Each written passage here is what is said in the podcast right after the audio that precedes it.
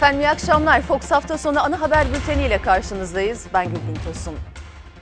Aylardır dünyada olduğu gibi Türkiye'nin de değişmez gündemi koronavirüs salgını. Dünyadan farklı olaraksa Türkiye koronavirüsle mücadelesinde önemli mesafeler kat etti.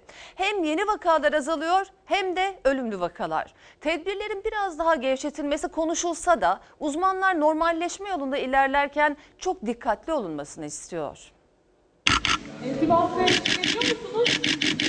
Türkiye koronavirüsle mücadelesinin 74. gününe 952 yeni vaka 27 can kaybıyla girdi. Toplam vaka sayısı 154.500'e, hayatını kaybedenlerin sayısı ise 4276'ya yükseldi. Sağlık Bakanı Fahrettin Koca 37 bin aşkın kişiye test yapılmasına rağmen pozitif sonucun binin altında olmasına dikkat çekti. Artan test sayısına rağmen yeni vaka sayısı binin altında. Destek tedavisine ihtiyaç duyanların sayısı azalıyor. Yeni hayat tarzımız kontrollü sosyal hayat. Hep birlikte tedbir. Koşulu maske artı 1,5 metre sosyal mesafe. Yeni vaka sayısının binin altında geldiği üçüncü gündü bu. İlk gün Sağlık Bakanı salgının kontrol altına alındığını duyurmuştu. Hastanelerimizde beklenen yoğunluk olmadan hastalık kontrol altına alınmıştır. Salgın hani bilimsel anlamda kontrol altında. Biz artık kontrol edebiliyoruz vaka sayımızı. Burada tutabildiğimiz sürece biz artık işte bazı tedbirleri kaldırabiliriz, o planlayabiliriz. O anlamdadır. Ama bir ertesi gün tekrar vakalarımız iyileşen vaka sayısını geçebilir. Zaten çok yakın seyrediyor. Eğer öyle bir dönemde yeniden olursa salgın kontrolünüzün altından çıkmış demektir. Normalleşme adımları atılırken salgının bir anda kontrolden çıkması an meselesi. Hafta sonu Çalar Saat'te İlker Karagöz'ün konuğu olan enfeksiyon hastalıkları uzmanı Profesör Doktor Mehmet Ceyhan, eğer Türkiye kurallara sıkı sıkıya uymaya devam eder, herkes kişisel önlemini almayı sürdürürse binin altına düşen yeni vaka sayısının yaklaşık bir buçuk ay sonra iki haneli rakamlara düşebileceğine dikkat çekti. Normalde bunu 4-6 hafta gibi bir sürede bekliyorum ben. Bir aksilik de olup birden artışlar yaş- yaşamazsak eğer.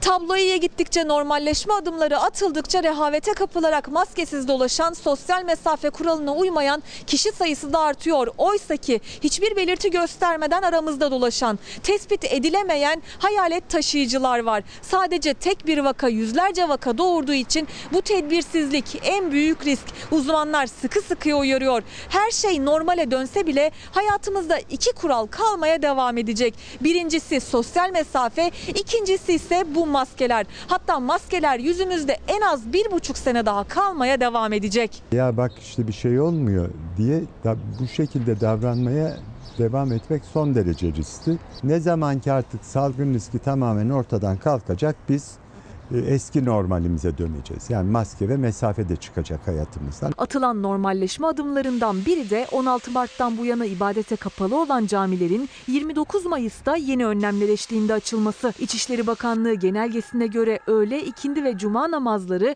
bu yeni kurallara uyularak kılınacak. İbadethaneler salgının en çok yayıldığı yerler arasında. Bu yüzden kurallara uyulması çok önemli. Kesinlikle eğer sosyal mesafeye uyulmazsa öğlen ve ikindi namazlarında insanlar o mesafelere dikkat etmez ve maskelerini düzgün takmazlarsa sorun çıkma ihtimali çok yüksek. Dünyanın koronavirüsle mücadelesi devam ediyor. Avrupa'da önlemler kademeli olarak gevşetilirken virüs Güney Amerika ülkelerinde korkutucu bir şekilde yayılıyor. Ölü sayıları hızla artarken Dünya Sağlık Örgütü Güney Amerika'nın salgının yeni merkezi olduğunu açıkladı. Rekor vaka sayıları ve ölüm haberleri peş peşe geldi. Latin Amerika salgının yeni merkezi oldu. Virüsün ilk ortaya çıktığı Çin'de aylar sonra ilk kez vakaya rastlanmadı. UNICEF uyardı. Salgın nedeniyle 80 milyon çocuğun risk altında olduğunu açıkladı. Covid-19 Çin'de ortaya çıktı ama asıl yıkıcı etkisini Avrupa ve Kuzey Amerika'da gösterdi. Dünya genelindeki 345 bine yakın ölümün 283 bini bu iki kıtada kayda geçti. 1 milyon 650 bin vakanın görüldüğü ve 98 bin kişinin hayatını kaybettiği Amerika salgının merkezi oldu. Virüs son günlerde ise Güney Amerika'da yayılıyor. Şu ana kadar 21 bin kişinin öldüğü Brezilya, kıtanın koronavirüsten en fazla etkilenen ülkesi. Ülkede vaka sayıları da patladı. Hemen her gün 20 binin üzerinde vakanın görüldüğü Brezilya, dünya sıralamasında 3. sıraya çıktı. Meksika, Peru, Kolombiya gibi ülkelerde de vaka ve ölü sayıları hızla artmaya başladı. Dünya Sağlık Örgütü, Güney Amerika'nın Covid-19 salgınının yeni merkezi olduğunu açıkladı. Dikkat çeken bir açıklama da Birleşmiş Milletler Çocuklara Yardım Fonu UNICEF'ten geldi. UNICEF direktörü Fore, salgın nedeniyle 68 ülkede rutin aşı hizmetlerinin kesintiye uğradığını söyledi. 1 yaşından küçük 80 milyon çocuğun risk altında olduğunu belirtti. Salgının devam etmesi ve sağlık hizmetlerini kesintiye uğratması durumunda gelecek 6 ay her gün 6 bin çocuğun önlenebilir hastalıklardan ölebileceği uyarısı yaptı. Avrupa'da ise normalleşme süreci devam ediyor. Fransa, ibadethanelerin yeniden açılmasına onay verdi. Bu kararın ardından ülkedeki camilerde sosyal mesafe kuralına uyularak bayram namazı kılınabilecek.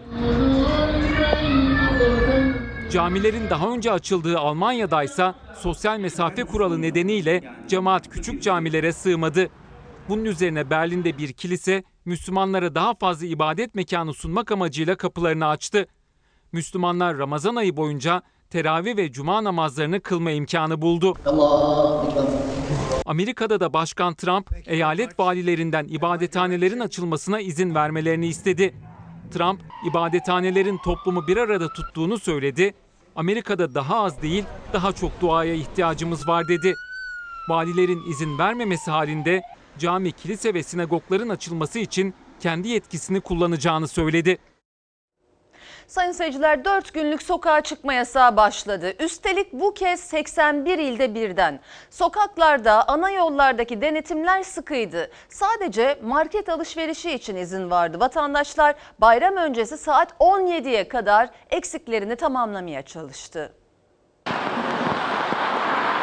Koronavirüs salgını başladığından bu yana alınan en büyük önlem sadece büyük şehirlerde değil 81 ilde sokağa çıkma yasağı ilan edildi. Türkiye bayramı evde geçirecek. Çıkmayacaksın. Kurallar yalvaranlara çıkacak diye bir yok. İşte Arife günüydü. Biz de inisiyatifimizi kullandık İnisiyatif abi. diye bir şey. Özellikle İstanbul'da ana yollarda birçok noktada kontroldeydi polis. Güne kapalı ve yağmurlu havayla başlanan mega kentte izinsiz yola düşenlere ceza kesildi. Sadece eve yakın mesafede alışverişe izin vardı. 4 günlük sokağa çıkma yasağı başladı. Marketler Arife gününde 5'e kadar açık kaldı. Özellikle hafta içi çalışmak zorunda olanlar market alışverişini Arife'ye bıraktı. İş yüzünden çıkamadım ancak bugüne kaldı. Bayramda ne yapacaksınız? Evde geçireceğiz bir şey yapmayacağız ki. Nereye çıkalım ki? Dost ziyareti yok. Yok. Nasıl yapalım? ziyareti var. Peki bayrama özel gene de bir şey yapacak mısınız? Normal geç. Evet, deli her gün düğün bayram. Bol bol meyve sebze alındı, mutfak alışverişi yapıldı. Kasalarda kuyruklar oluştu. Temel ihtiyaçların yanında bir de bayram sofrası için eksikler tamamlandı. Börek açardım, tatlı yapardım. Yani Yaptınız mı bu sefer? şimdi bugün gene yapacağım ama yani sadece çoluk çocuk için evde o huzuru, o tatlılığı yaşasınlar diye. Sokağa çıkma yasağı ziyaretleri etkilediği gibi bayram alışkanlıklarını da değiştirdi. Eskiden evlerde baklava börek açılırdı. Şimdi marketlerde bir çekirdek aileye yetecek kadar tatlı satılıyor. 400 gramı da 20 lira. Muhakkak şimdi çağ değişiyor, zaman değişiyor. İnsan mecburen uymak zorunda. Akrabalar gelip gidiyordu. Tabii büyüklerimize biz, on küçükler de bize geliyordu genelde. Harçlıklar veriliyor. E tabii tabii. Bu sene o da olmayacak. Cepte kalacak diyelim. Çocukların sokağa çıkması yasak. Ancak Esenyurt'ta bir baba çocuklarıyla çıktı market alışverişine. İçeri alınmayınca da çocukları arabada bıraktı. Polis hem korkup ağlayan çocukları yatıştırmaya çalıştı hem de babaya 1180 lira para cezası kesti. Mezarlık ziyaretleri de yasak bayram boyunca. Arife gününde sadece şehit yakınlarına izin vardı. Valilikten alınan özel izinleriyle Edirne Kapı şehitliğinde sadece kendi evlatları için değil, tüm şehitler için dua etti acılı aileler. Size dedi serbest dediler. Gidebilirsiniz dediler. Ben zaten normalinde de Arife günleri, bayram sabahları hep burada oluyorum. Bizim evimiz burası yani evlatlarımızın yanı. İznini alabilen 65 yaş üstü ve vatandaşlar memleketlerine gitti bayram öncesinde. Kalanlar için Tuzla'da hazırlık vardı. Gönüllü aşçılar belediye desteğiyle 3000 kişiye dağıtılmak üzere tatlı hazırladı.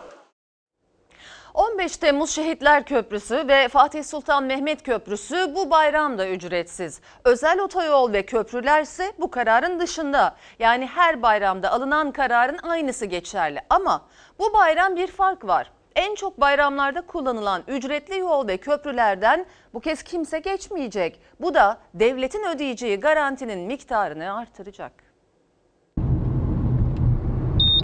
Sınırlı kalan köprü ve otoyolların bedava getirilmesi tabii ki ilgi çekiyor. Cumhurbaşkanlığı kararıyla devlet işletmesindeki yollar bu bayramda ücretsiz. Her bayramda olduğu gibi yani. Ama bu kez sokağa çıkma yasağında da aynı karar açıklanınca Boğaz'daki iki köprünün ücretsiz olmasından çok yap işlet devret modeliyle yapılan yolların da zaten yasak nedeniyle kullanılamayacak olması dikkat çekti. Yani 15 Temmuz Şehitler Köprüsü ile Fatih Sultan Mehmet Köprüsü ücretsiz. Ama Yavuz Sultan Selim ve Osman Gazi köprülerinin araç garantisi nedeniyle hazineden daha çok para çıkacak. Evden çıkmadan da yine yol parası ödenecek. Köprü ve otoyollar zaten kullanılmıyor. Yani ne 3. Boğaz Köprüsü'nden, ne İstanbul-İzmir Otobanı'ndan, ne Osman Gazi Köprüsü'nden veya Avrasya Tüneli'nden yeterince araç geçmiyor. Bu araç sayıları çok aşağı düştü. Önce yolların kura bağlı zamlanması nedeniyle araç geçiş sayısı düşmüştü. 2018'de Avrasya Tüneli'nden 17,5 milyon araç geçmiş, 2019'da ise bu sayı 17 milyon 200 bine düşmüştü. Tam aksine artış bekleniyordu. Ama geçiş ücreti 19 liradan 23 liraya yükselince beklenen artış yaşanmadı. Beklenmeyen artışsa yine fiyatta oldu. Çünkü açıldığından bu yana en büyük zammı gördü 2020 yılında Avrasya Tüneli. 36 lira 40 kuruş oldu. Son 3 yılda Avrasya Tüneli'nde araç garanti geçiş ücreti olarak 470 milyon lira ödendi. 2020 yılında bu ödemenin korona salgını nedeniyle geçişler azaldığı için en az 400 milyon lira olması bekleniyor. %50'ye yakın veya %50'yi aşan oranda açığı hazine kapatırken şimdi bu oran belki de %80 %90'lara çıktı. 2019 yılında sadece Yavuz Sultan Selim Köprüsü'ne devlet tarafından 3 milyar liralık geçiş garantisi ücreti ödenmişti. Salgın nedeniyle hazineden karşılanacak açık daha da katlanacak. Demirel ve Özal döneminde açılan e, birinci, ikinci Boğaz köprülerinin ve otobanların dini bayramlarda bedava olması karşısında Sayın Erdoğan döneminde yaptırılmış olan özel sektöre dayalı köprü ve otoyolların her dini bayramda paralı olması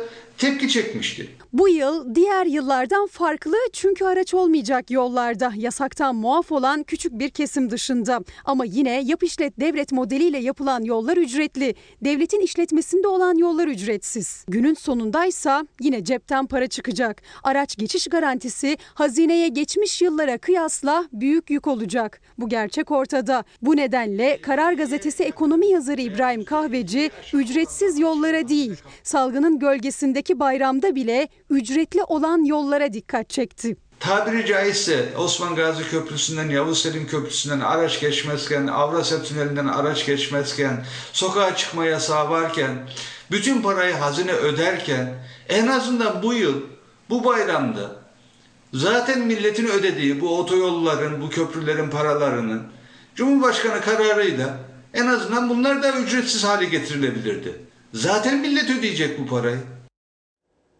Peki sokağa çıkma kısıtlamasının ilk günü nasıl geçiyor? Bu sorunun yanıtını 15 Temmuz Şehitler Köprüsü'nde bulunan Fox Haber ekibinden alacağız. Gülşah İnce ve kameraman Soner Daba bizleri bekliyor.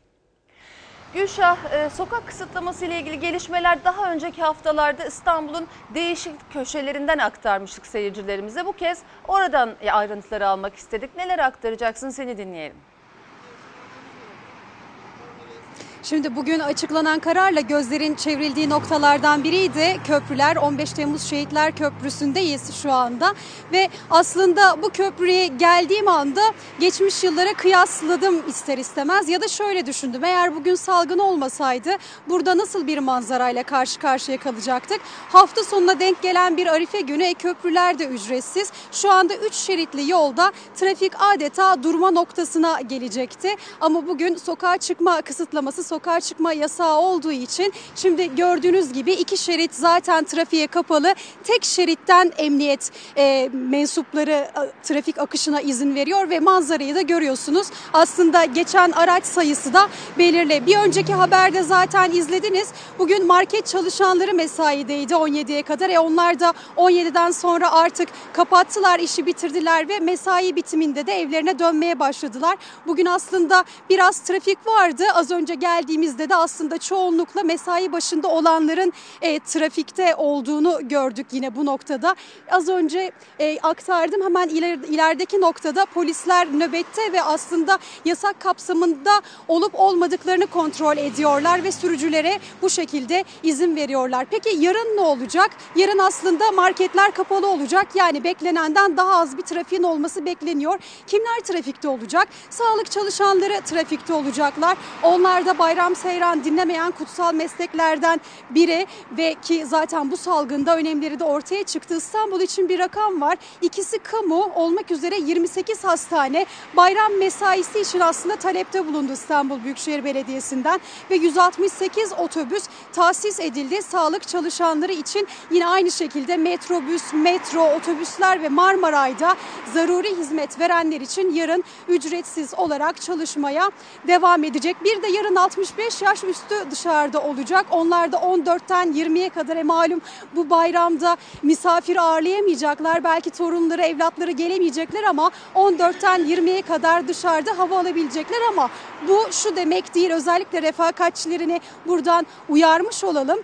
Yine bu zamana kadar olduğu gibi genelgedeki o kural geçerli. Yani evine yakın yürüme mesafesindeki alanlarda bu izin geçerli olacak. Yani bugüne kadar sıkıldılar şöyle arabaya atlayalım e, ve İstanbul'u gezdirelim. Hazırda köprüler ücretsiz diyerek yola çıkmasınlar.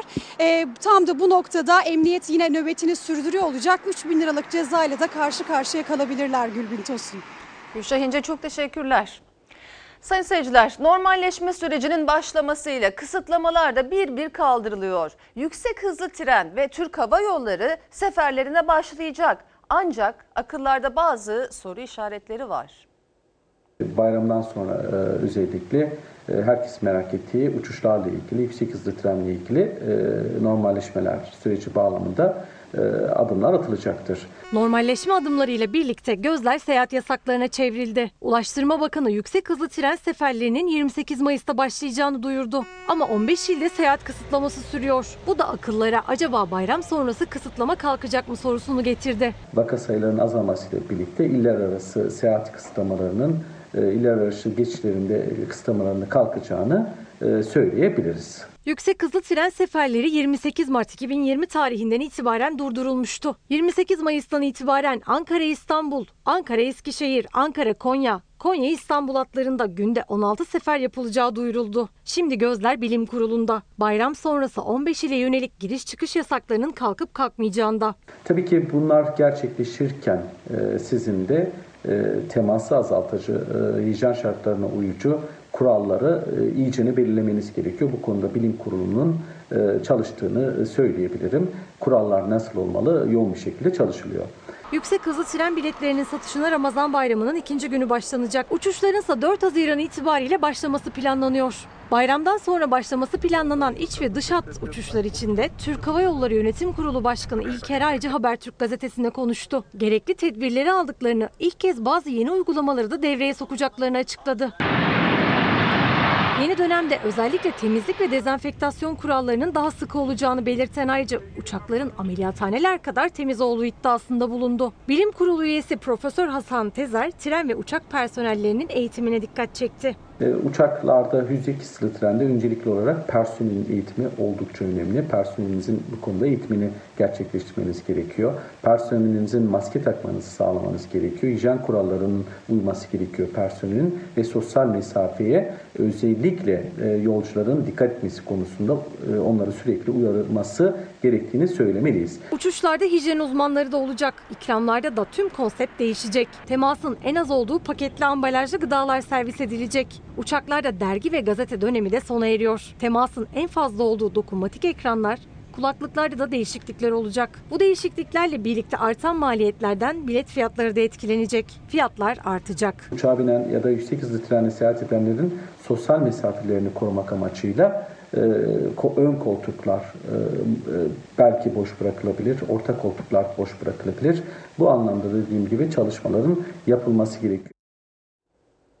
Sayın seyirciler yeni partilerle son dönemde Cumhur İttifakı arasında gerilim yüksek. Cumhurbaşkanı Erdoğan özellikle ekonomi politikaları üzerinden geçmiş dönemleri de hatırlatıp eleştirilerini sıralayan Ali Babacan'ı üstü kapalı hedefe aldı. Yanıtsa gecikmeden geldi. Başbakanlığım döneminde bakanım durumunda olanlar veyahut da daha farklı görevler verdiğim kişiler farklı bir şekilde saldırı içindeler. Gönüllü hareket halinde büyüyor. Bütün Türkiye'de büyüyor. Zaten bundan korktukları için bize sataşıyorlar. Böyle kalkıp YouTube'larda belli adımlarla netice almanız mümkün değil. Bu tür tartışmalarla inan vakit kaybedecek durumumuz yok. Söz sırası bu kez Ali Babacan'daydı. Cumhurbaşkanının yeni partiler üzerinden verdiği mesajlar sonrası siyaset yelpazesinde tartışılan başlıklar, konular da şekillendi. Karşılıklı söz düelloları da arttı ama Babacan sataşmadan uzak duracağız dedi. Siyaseti bambaşka bir seviyede yapacağımızı inşallah herkes bundan sonra daha iyi anlayacak. Ya sen bakansın kalkıp ben ben ben ne beni ya? Bir başbakan onay vermeyecek.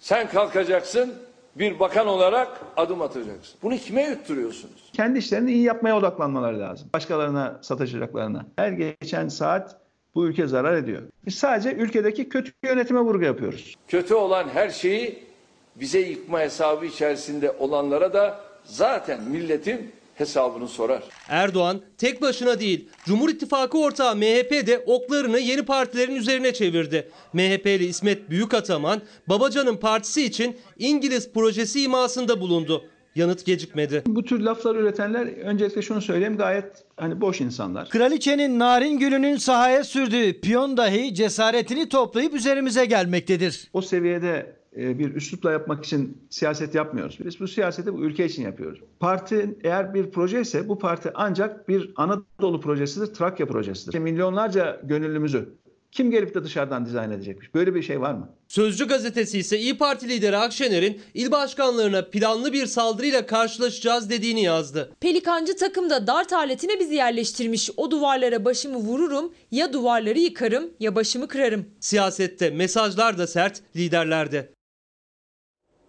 Baskın seçim ve vekil transferi tartışmaları siyasette yeni bir düzenlemenin önünü mü açacak? Cumhur İttifakı bir seçimde yeni partilerin seçime katılmalarını sağlamak için olası vekil transferine karşı. Buna yönelik hazırlıkları da var. İşte bu çalışmanın ayrıntıları ortaya çıkmaya başladı. Çok alternatifli ama dört ihtimalin öne çıktığı bir düzenleme üzerinde çalışıyor AK Parti ve MHP. Bu çalışmayı halihazırda yürütüyoruz. İşin anayasaya tekabül eden tarafları var. Seçim yasası, siyasi partiler yasası çerçevesinde atılabilecek adımlar var. AK Parti'nin içinde bulunduğu durumu, sarayın içinde bulunduğu paniği, MHP ile kurdukları ilişkinin kendisini olduğu gibi deşifre eden bir açıklama. Ciddi bir korku var, bir endişe var, bir panik var. İster 2023 ister daha önce ne zaman olacaksa buraya yazıyorum. Sayın Erdoğan'ın sandıkta kazanması mümkün değil.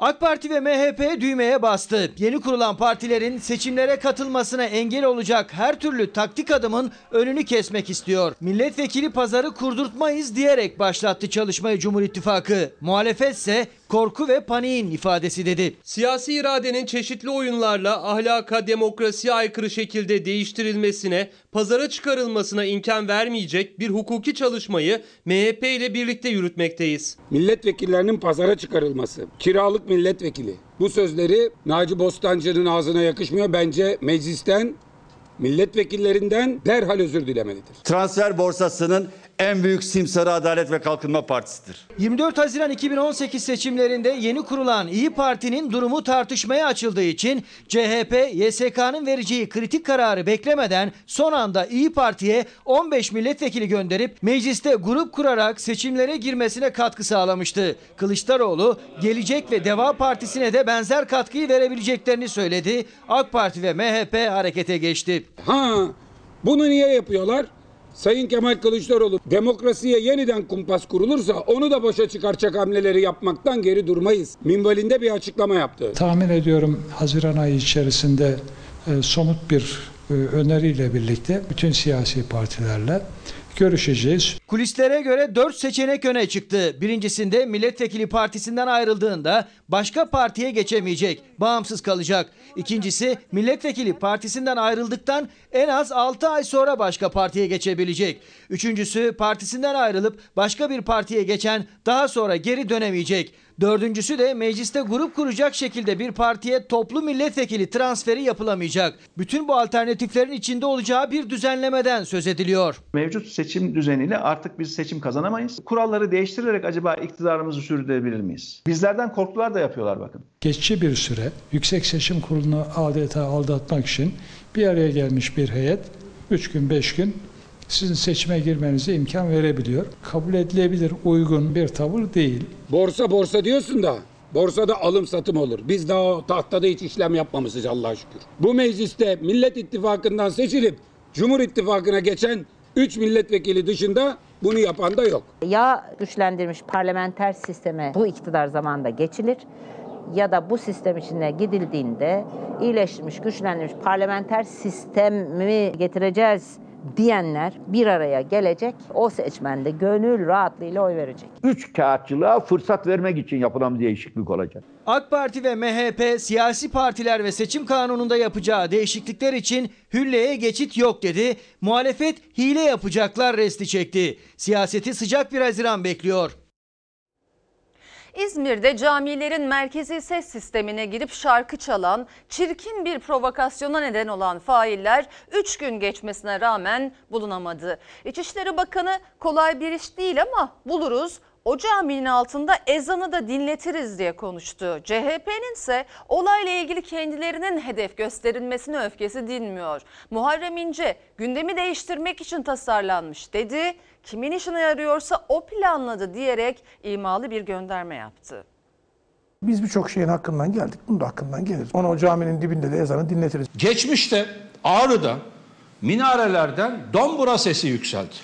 Dombura çalanı buldun mu? Peki şimdi çal bella çalanı buldun mu? Bulmadın. CHP'li bir çocuktan intikam alıyorsun.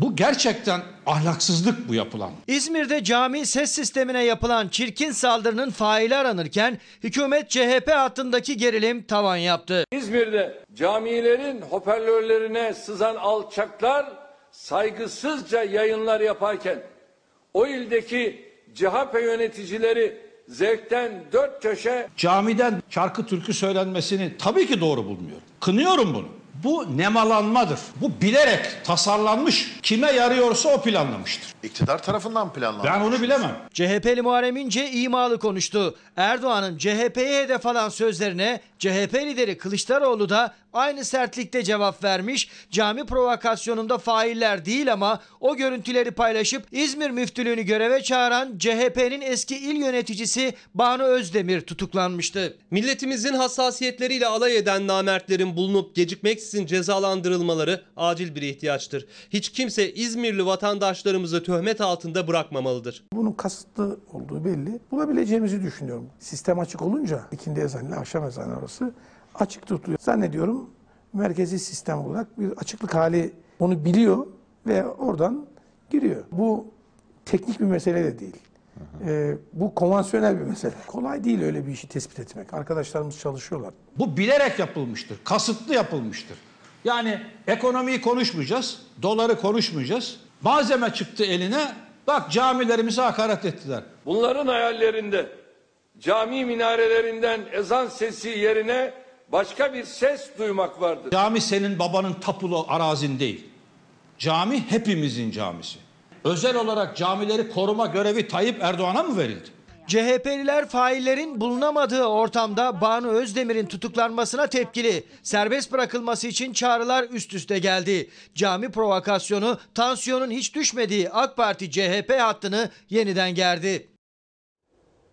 İktidar ya da muhalefet farklı görüşteki partiler arasındaki gerginliği azaltan bir gelenektir bayramlaşma. Siyasi sert sözler bir günlüğüne de olsa bir kenara bırakılır. Karşı tarafa bir mesaj verilecekse bile şeker çikolata eşliğinde daha yumuşak olur. Ama AK Parti 3, MHP 4 partiye bayramlaşma kapısını kapattı. Üstelik bu bayramda salgın nedeniyle birbirlerine gidip gelemeyecek siyasi partiler onun yerine video konferansla kutlama yapacak. İlk mesajlarda kurmaylardan önce liderlerden geldi. Yaklaşık 10 milyon vatandaşımıza 12 milyar lirayı bulan karşılıksız kaynak aktardık. İşini kaybedenler var. Elde ettiği geliri kaybedenler var. Dolayısıyla çocuğuna harçlık veremeyen var. Ramazan bayramı arifesinde liderlerin mesajlarında ekonomi öncelikli başlıktı. CHP lideri Kemal Kılıçdaroğlu bayram sofrası kurmakta zorlanacakları hatırlatırken Cumhurbaşkanı Erdoğan her şey korona salgını sonrası daha iyi olacak dedi. İyi Parti lideri Meral Akşener'e göre ise ekonomide güçlenmek için birlik şart. İnşallah salgın sonrası siyasi ve ekonomik olarak yeniden yapılanacak dünyada Türkiye'nin gücünü, zenginliğini, refahını çok daha yükseklere taşıyacağız. Londra'dan ekonomimize saldırı var dendi. Dedim ki Sayın Erdoğan'a bir memleket masası kuralım. Bir arada o fotoğrafı Londra'ya, Amerika'ya, dünyaya verelim. O fotoğrafı oluşturmaktan nasıl imtina ettiklerini ve nasıl çemkirerek çok çirkin sözlerle bir tavır kondu. Akşener'in istediği gibi bir masa etrafında ya da Temel Karamollaoğlu'nun montajladığı videodaki gibi bir araya gelmiyordu liderler ama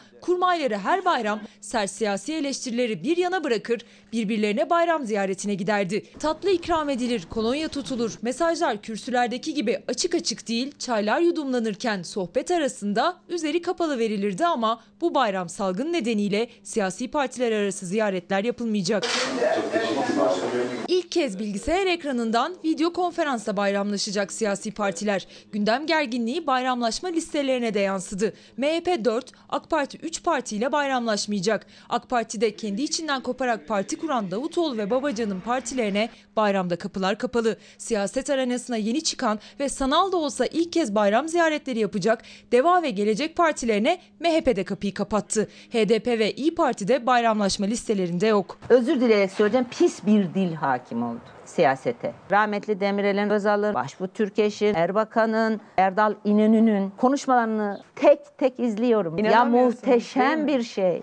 Yani birbirlerine aslında gayet sert konuşuyorlar ama kelimeler zarif. İyi Parti ve MHP arasına ise korona salgını girmedi. Zaten geçmiş bayramlarda da bir araya gelmiyordu iki parti. Video konferansla da bayramlaşmayacaklar. Umutsuzluk bize yakışmıyor. Video konferansla ilk bayramlaşacak partilerse AK Parti ve CHP son zamanlarda iplerin iyice gerildiği iki parti arasındaki bayram sohbeti merak konusu. Görüşme öncesi ilk ipuçları Kılıçdaroğlu verdi. Pandemi dolayısıyla hani dünya ciddi bir travma geçiriyor zaten. Bu süreçte bir sosyal devleti keşfetmeliyiz. Salgın döneminde işten çıkarmalar 3 ay yasaklandı. Ama bu süre içinde koronavirüs kapan bir işçi evde tedavi görürken işinden kovuldu. Kovulmasının sebebi ise iddiasına göre arkadaşlarını test yaptırmaları konusunda uyarmasıydı. Covid-19 enfeksiyonu iş kazası sayılmadığı için hiçbir tazminatta alamıyor. Evimde koronavirüs tedavisi görürken 9 gün önce işten tazminatsız atıldığımı bugün öğreniyorum. Bu durumda işsizlik maaşı da alamıyorum. Herhangi bir gelirim de yok. Han işten atmak yasaktı. Koronavirüse yakalandığı işinden oldu. Üstelik işten çıkarma yasakken işveren hasta olan işçinin arkadaşların test yaptırmaları için uyarmasını bahane etti. Kovulan işçi tazminat bile alamadı. Kesinlikle burada ahlak ve iyi niyet kurallarına aykırılık nedeniyle iş hakkı feshedilemez. Fesih yasağı var biliyorsunuz. Bu konu da önce arabulucuya sonra yargıya gider. Ee, böyle bir nedenle işçinin iş hakkı feshedilemez. İstanbul Tuzla'da iddiaya göre önlem alınmayan bir lojistik firmasında çalışıyordu Mahir Albayrak. Kalp hastası eşi Covid-19 semptomları gösterince hastaneye gittiler, test yaptırdılar. İkisinin testi de pozitifti. Evinde karantinaya alındı. Önce işverene ardından arkadaşlarına haber verdi. Onların da test yaptırmalarını tavsiye etti. O karantinadayken İş yerinde birçok arkadaşının daha koronavirüse yakalandığı ortaya çıktı. Vakalar çıkmadan önce sadece ofis dezenfektanı yapıldı. Onun dışında herhangi bir önlem alınmadı. Bağlı olduğum sendika DGDSEN iş yerindeki gerekli önlemler alınması için verdiği dilekçeye rağmen depo bölümü dezenfekte edilmedi. İşveren salgın nedeniyle işten çıkarmalar yasaklanmış olmasına rağmen işçiyi hasta yatağındayken tazminatsız kovdu. Gerekçe olarak Albayrak'ın ahlak ve iyi niyet kurallarına uymadığını ileri sürdü. Arkadaşlar dedim hepiniz dedim lütfen hastaneye gidin.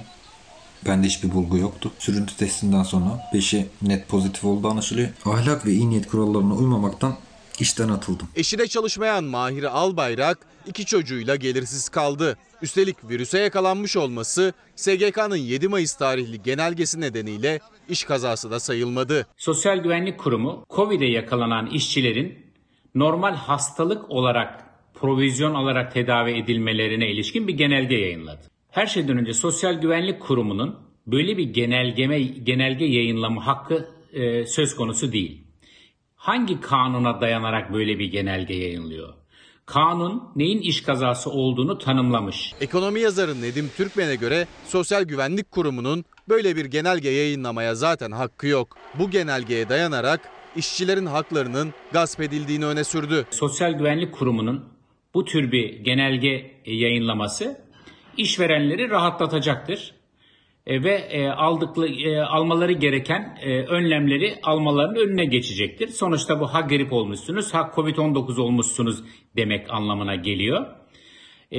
Bu genelgenin hiçbir hükmünün olmadığını düşünüyorum. Çünkü yasal dayanağı yok. İşverene diyorsunuz ki bu işin üzerine biraz daha tepinebilirsin.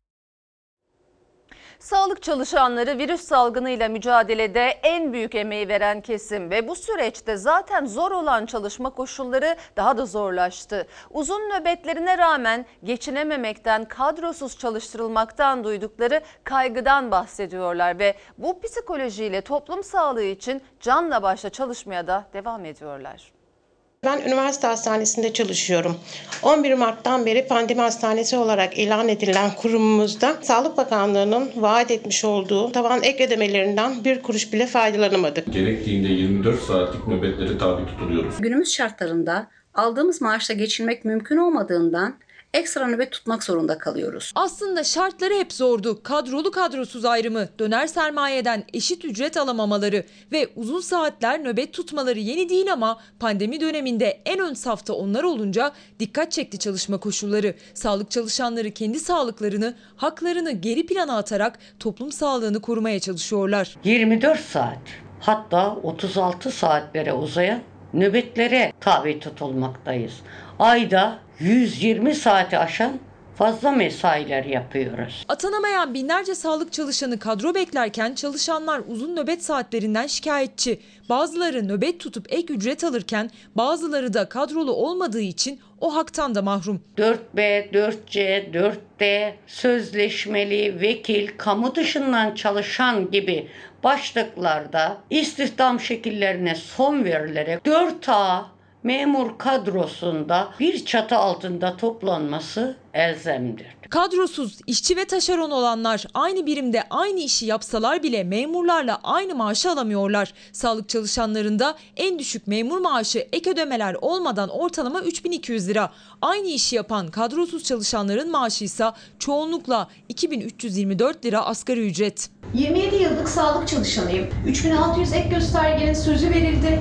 Yasalaşmasını istiyorum. Bizler genel idari hizmetler ve yardımcı hizmetler personeli olarak döner sermaye ödemesinden herhangi bir pay alamamaktayız. Doktor, hemşire, acil çalışanları, teknik ve temizlik elemanları, tüm sağlık çalışanları bayram arifesinde alkıştan, teşekkürden daha fazlasını istedi hükümetten. Aile hekimleri ve aile sağlığı çalışanlarına pandemi dolayısıyla herhangi bir ek ödeme yapılmamıştır. Pandemi ek ödemesi verilmesini talep ediyoruz. Arkadaşlarımızdan hastalananlar ve hatta ölenler oldu. Fakat SGK bu hastalığı meslek hastalığı olarak tanımadı.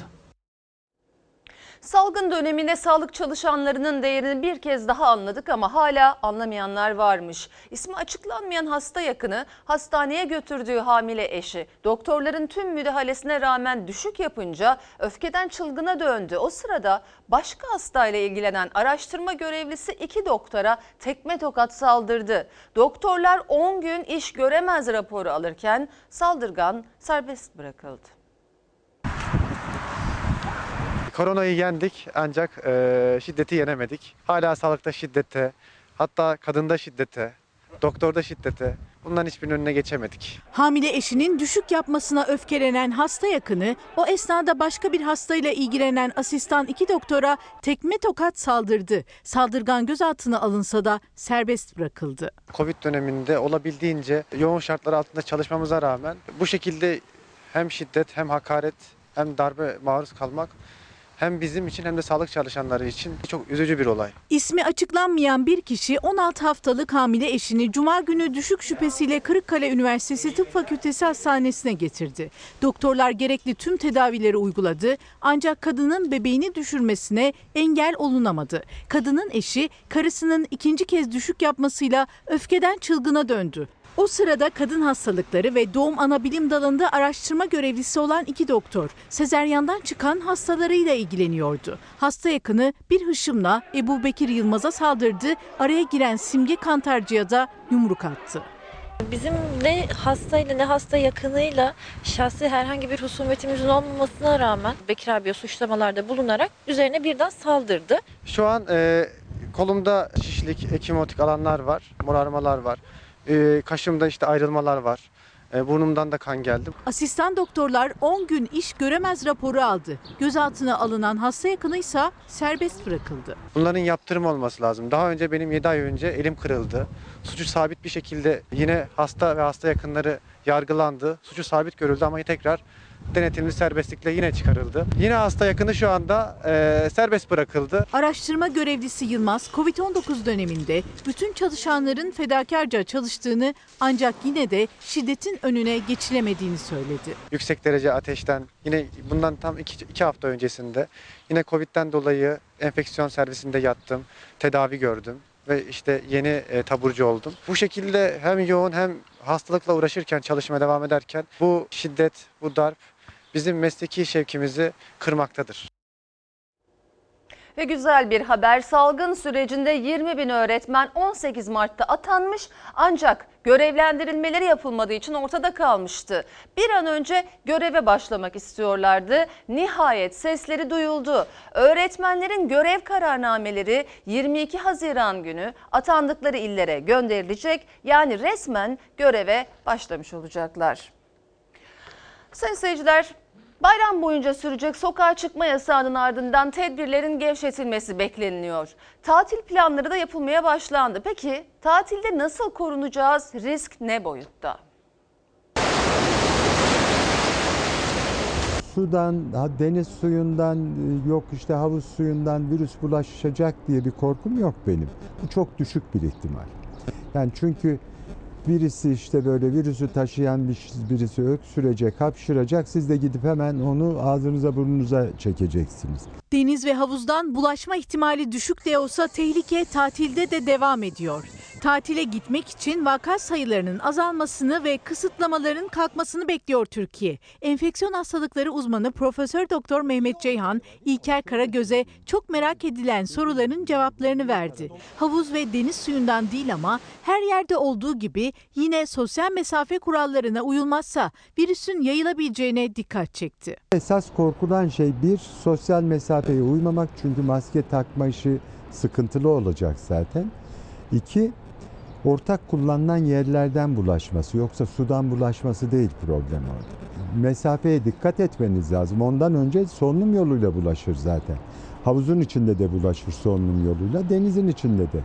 Koronavirüs salgınında vaka sayıları günden güne azalırken 65 yaş üstündekiler memleketlerine ve yazlıklarına doğru bir ay dönmemek üzere yola çıktı. Şimdi sabırsızlıkla beklenen tatile ne zaman gidilebileceği merak ediliyor. Ama daha önemlisi tatile gitmek riskli mi? Deniz kenarında da eğer bunlara dikkat ederseniz, mesafeye, maskeye dikkat ederseniz Oradaki risk de şeyden farklı değil yani İstanbul'da, Ankara'da bir parkta yürümekten farklı değil. Önemli olan her zaman her yerde olduğu gibi sosyal mesafeyi korumak ve maske takmak. Virüsün yayılım şekli olan solunum yolunu kesmek. Özellikle otellerde, ortak kullanım alanlarında çok dikkatli olmak gerekiyor. Oteller tab- tabii daha farklı. Otellerde e, özellikle ortak kullanılan alanlar çok fazla.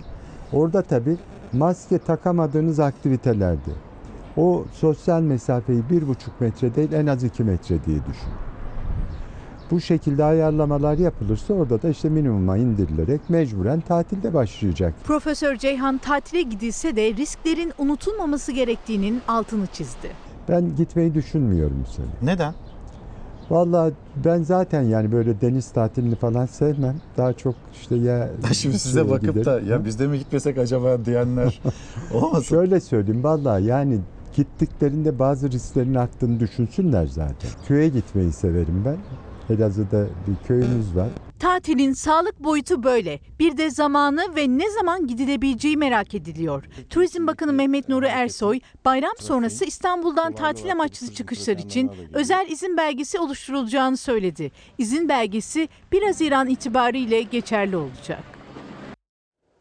Sayın seyirciler, Sağlık Bakanı Fahrettin Koca arkamda görüyorsunuz bugüne ait koronavirüs tablosunu şimdi açıkladı. Şöyle diyor Fahrettin Koca, destek tedavisine ihtiyaç duyan durumu ağır hasta sayımız bugün de azalmaya devam etti. Test sayısına göre öngörülebilir düzeyde yeni vakamız var. Yeni hayat tarzımız kontrollü sosyal hayat hep birlikte tedbir diyor. Hemen verileri aktaralım. Bugünkü test sayısı 40.178 tabii düne göre artış var. Bugünkü vaka sayısı 1186 ne yazık ki düne göre artış var. Bugünkü vefat sayısı 32 ne yazık ki artış var. E, hayatını kaybeden vatandaşlarımıza e, Allah'tan rahmet diliyoruz. Bugünkü iyileşen hasta sayımızda e, 1491 e, yine artış var. Böyle aktardıktan sonra şimdi araya gidiyoruz. Efendim Fox hafta sonu ana haber bültenini burada noktalıyoruz. Fox'ta yayın Benimle Söyle isimli yarışma programımızın yeni bölümüyle devam edecek. İyi bir akşam geçirmenizi diliyoruz. Hoşçakalın. Her köşesi cennetin ezilir yerler için bir başkadır benim memleketim.